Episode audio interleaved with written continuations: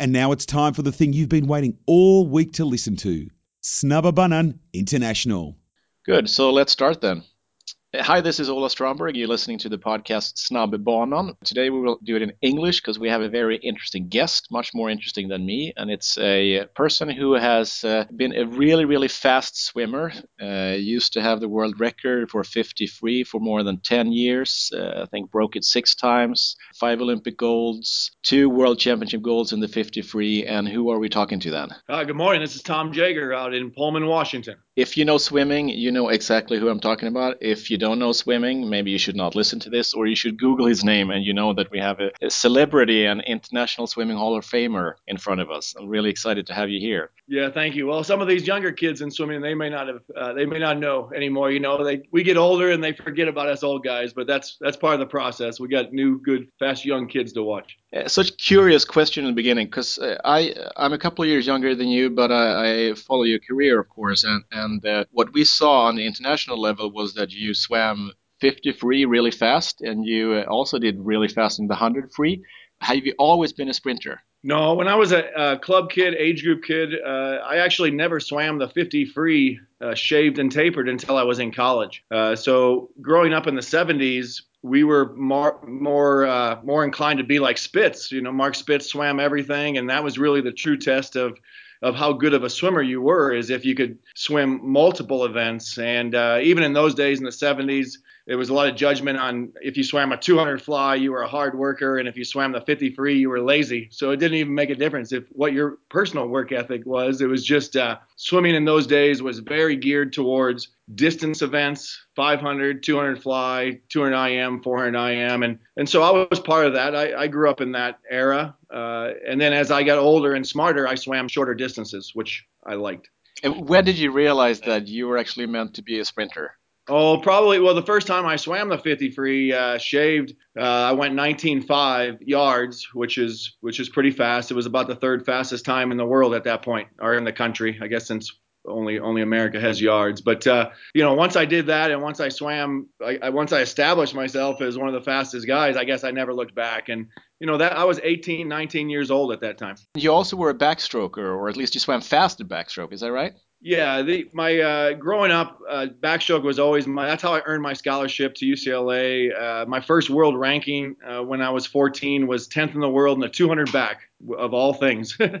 you know, I, I think that backstroke base that I had really helped develop my freestyle, and and you can see that uh, in before me and after me. And a lot of the like in the 76 Olympics, you look at the 400 freestyle relay for the Americans, they have one or two backstrokers on there uh, then you look after me where you have Popov, which I'm sure everybody mm-hmm. knows Alexander Popov, and, and he was a, a backstroker in his younger days. So I think the backstroke is a good uh, a good uh, element to have for sprint freestyling.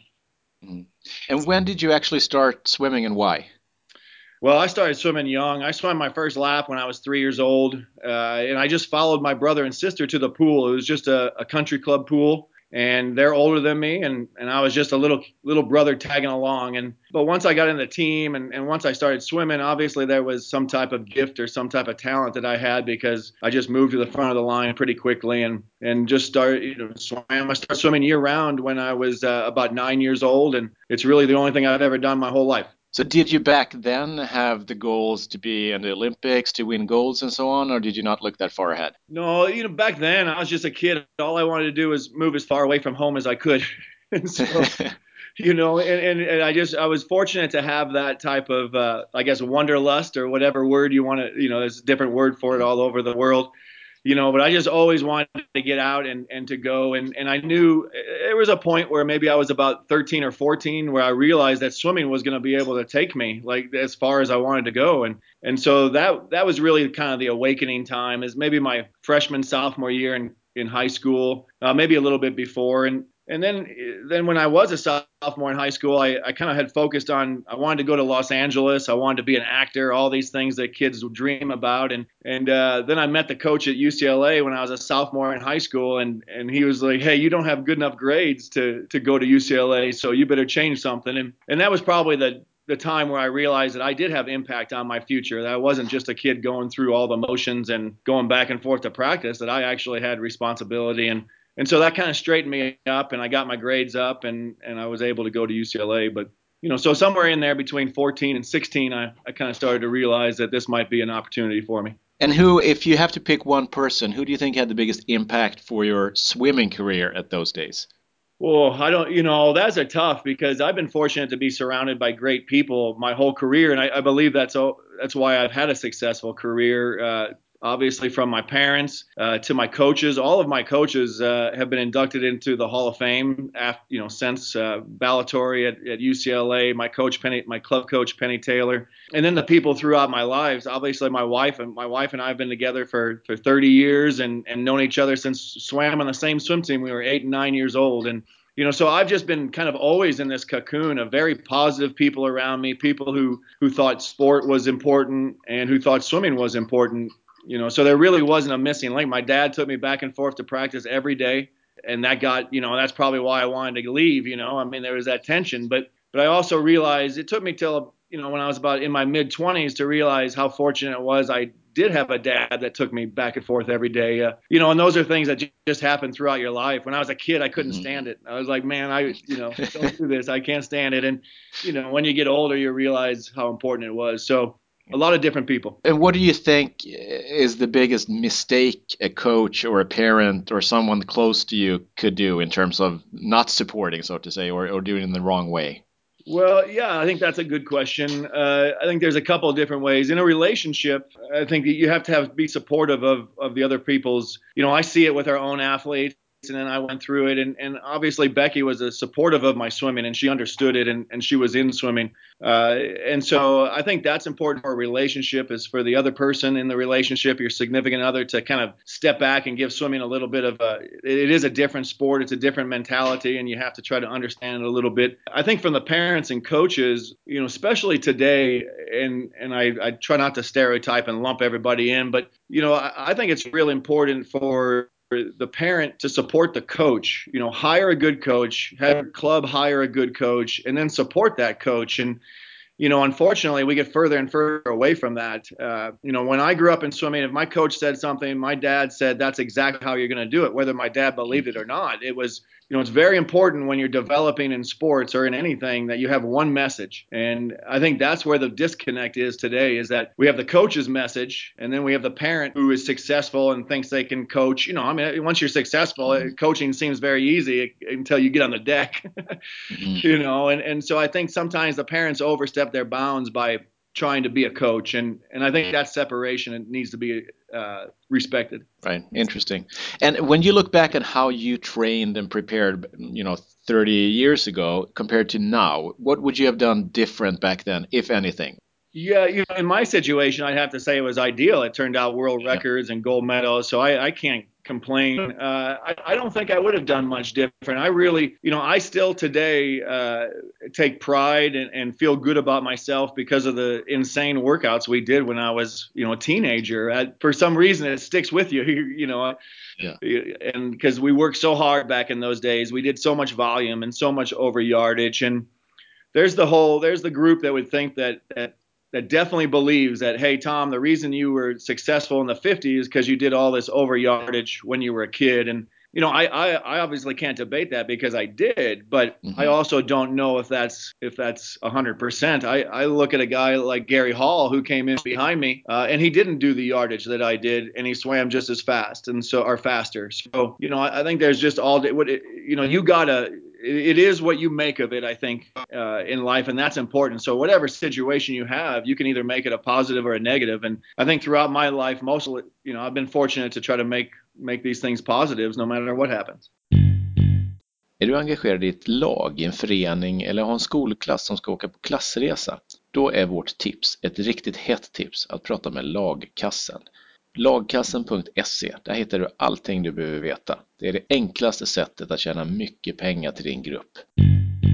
And now as a coach, how do you do things differently now, if anything, compared to what your coaches did back then? Yeah, good point. Did... I don't. Uh, our coaches back then, I think the one thing that probably is the striking is the biggest difference in my mind is that uh, when we trained in the 70s and 80s, we would train to a maximum effort plus And so, you know, we I think at the time we were still into this work ethic, and I also believe that we probably pounded our kids too much, and myself that there's a level uh, that you can work them hard, but then once you go past that level, you're getting some diminishing returns. And so, I think the biggest thing is that I don't uh, I train my kids hard, but we don't necessarily go into that over where I, I, try not to knock them out. And that actually has been, it's kind of a challenge uh, when you grow up, I guess, in the era that I grew up in. There's times when I want to do a really hard set after a hard set because that's, that would, that's what I'm used to. And uh, there's, I have to just catch myself and go, no, I'm, i might not get what I want out of that. So I think just trying to back off that, that real high end volume, and high end intensity has, has made me a better coach and has made my athletes more responsive in the racing, which is actually what we're trying to train. I think,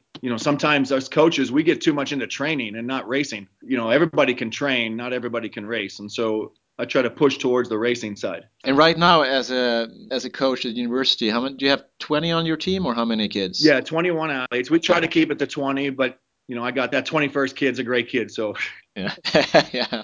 And how many variations of a workout do you have in a normal day? Yeah, a normal day we have uh, three groups. So we'll have our sprint group, our middle distance group, and then our distance group. And then that's pretty normal. And then the distance group usually stays distance uh, 90% of the time, and then the sprinters stay sprinting 90% of the time.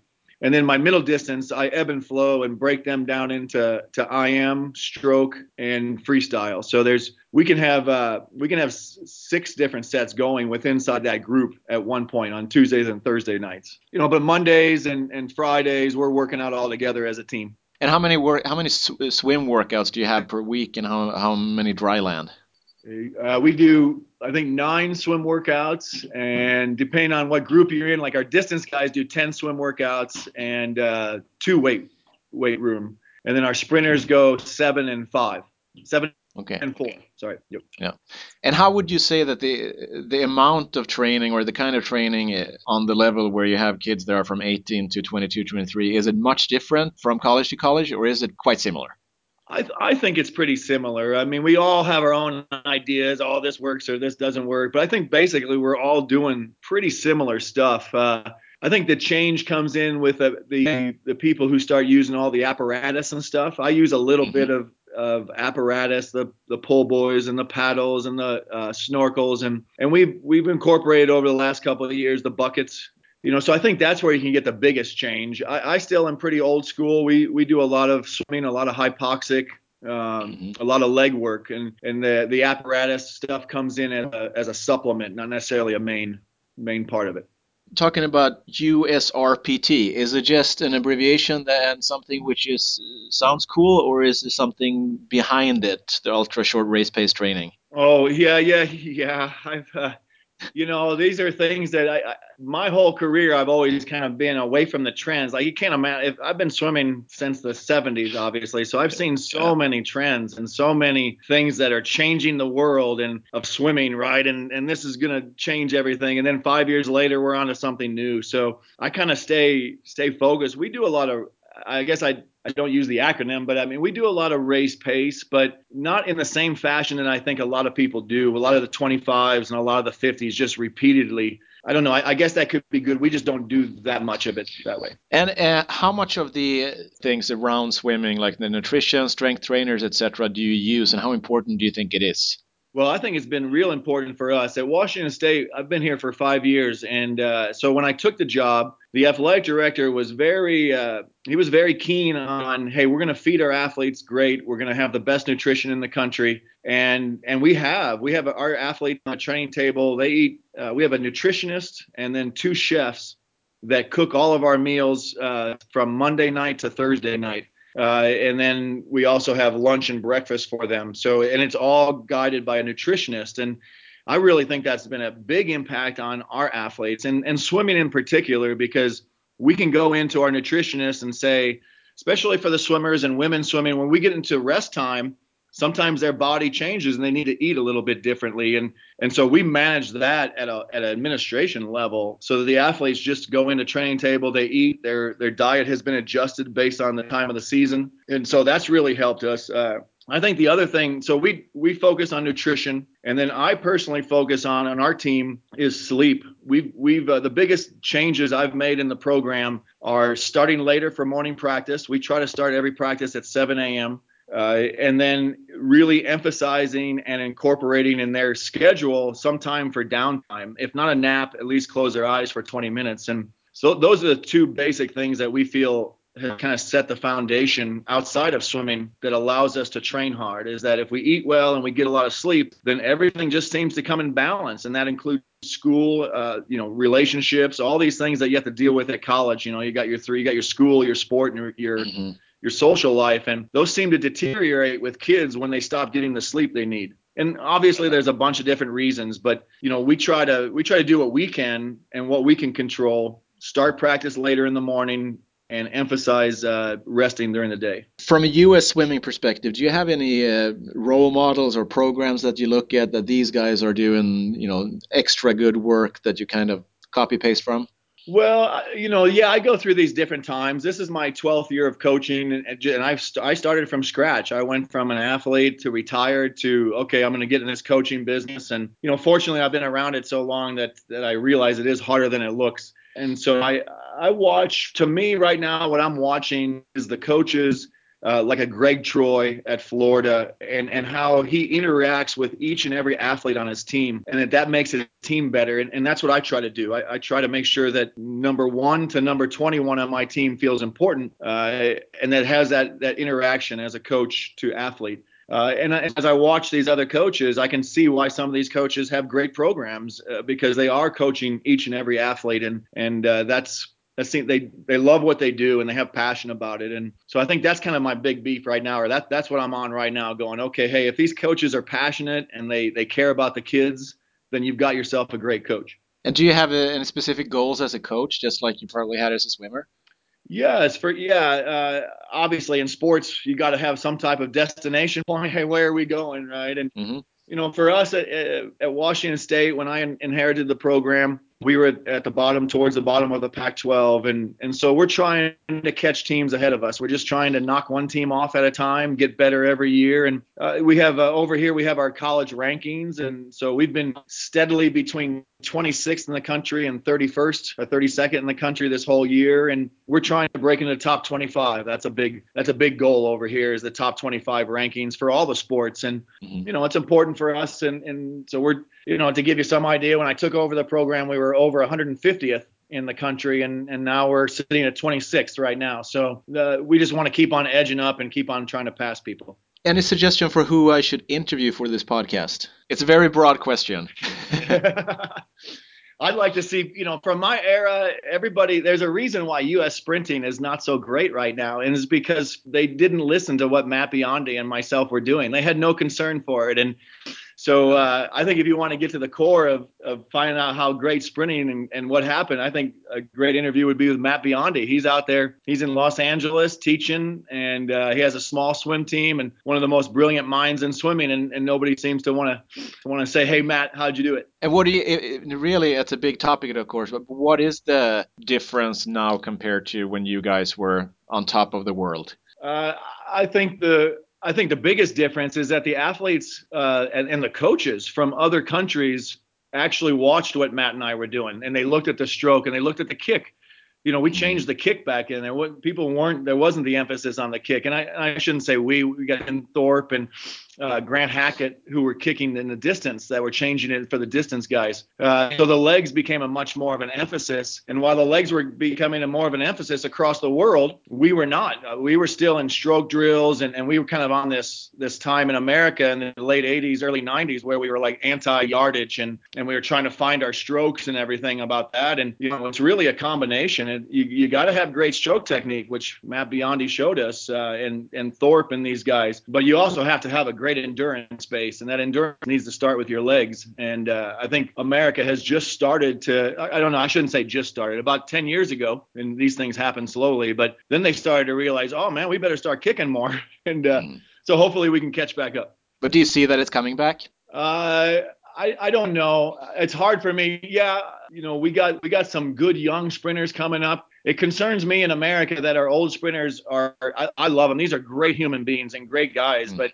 there should be young kids beating them. That's what worries me. Is that uh, you know our depth in American sprinting should be between the ages of 22 and 27, and I don't think that you'll find that on our team right now, and that that's a big concern for the long term of USA swimming. I, I think sometimes, well, where we are maybe right now, and for for USA Swimming, for us to get 11th uh, in the 400 free relay last year at World Championships, that's yeah, people better be worried about that. And, and you know, we have USA directors that I, I didn't hear him say one word about it, and, and maybe I missed it. Of course, I don't follow him 24/7, but it seemed to be to me to be no concern. And uh, being an alumni from that relay, it's embarrassing, quite frankly, and they should be concerned. And and that obviously says something to our depth. Good. Did I miss miss any questions that I should have asked? Uh no, yeah, I don't know, right? I've been, you know, swimming's a great sport. It's a blast. Uh, I have I I uh I guess I maybe the only question is do you enjoy swimming or coaching more? And you know, I, am enjoying coaching right now. It's a blast sharing sharing with other people. Uh, that's really rewarding, and so it's coming a good time in my life. Do you still swim? I don't. I uh, I had enough of it. I, it's it's it's hard for me to get back in the water and swim. You leave it to others. No, it sounds good. You sounds like you're very passionate about it, about your coaching, so that's great. Yeah, thank you. I, I yep, I enjoy it. Good. I'm happy. Thank you so much. All right. Yep. Thank you. Yeah. Vill du simma fort och samtidigt ha riktigt snygga badkläder? Då ska du gå in på tyrsverige.se. Simon Sjödin, han simmar fort som tusan i tyr. Erik Persson, han slår svenska rekord och kommer väldigt högt på EM i tyr. Michelle Coleman, hon simmar också fort i tyr. Gör det du också. tyrsverige.se